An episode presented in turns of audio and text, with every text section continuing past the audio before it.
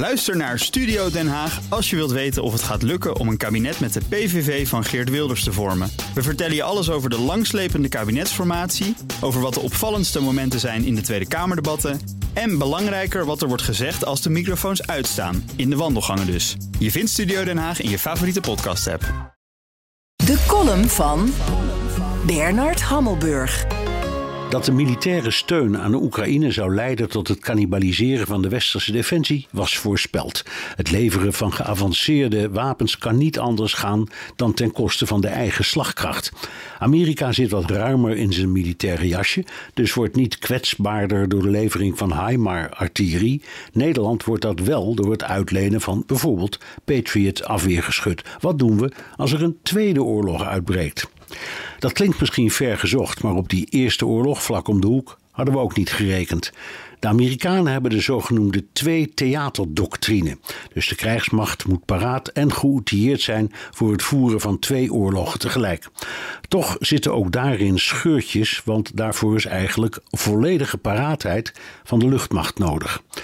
Die was in 1961 door John Kennedy ingesteld. Het betekende dat de vloot van met kernwapens uitgeruste B-52 bommenwerpers op elk moment kon uitrukken, compleet met begeleidende straaljagers en tankvliegtuigen.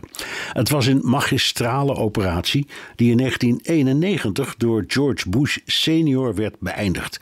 Je zou kunnen zeggen de Amerikaanse variant van ons vredesdividend. Wie had na de Koude Oorlog nog zo'n groot apparaat nodig.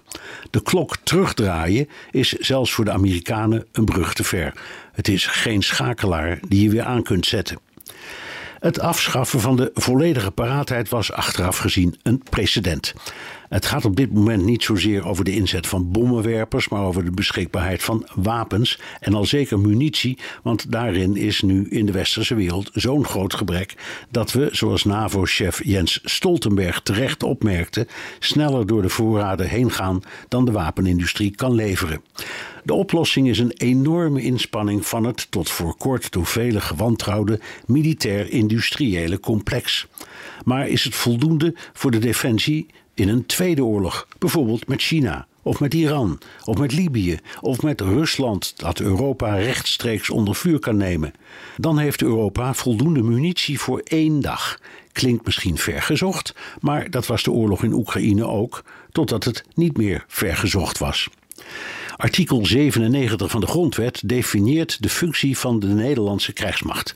Die hebben we om het koninkrijk te verdedigen en voor handhaving van de internationale rechtsorde. Als je Patriots uitleent aan Oekraïne, voldoen je aan die tweede doelstelling, maar die gaat ten koste van de eerste. Het dreigt weer een pief-paf-poefrel, maar nu voor het echi.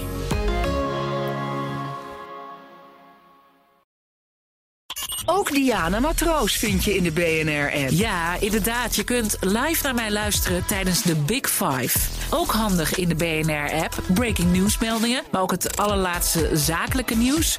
En je vindt in de app alle BNR-podcasts, waaronder Wetenschap Vandaag. Download nu de gratis BNR-app en blijf scherp.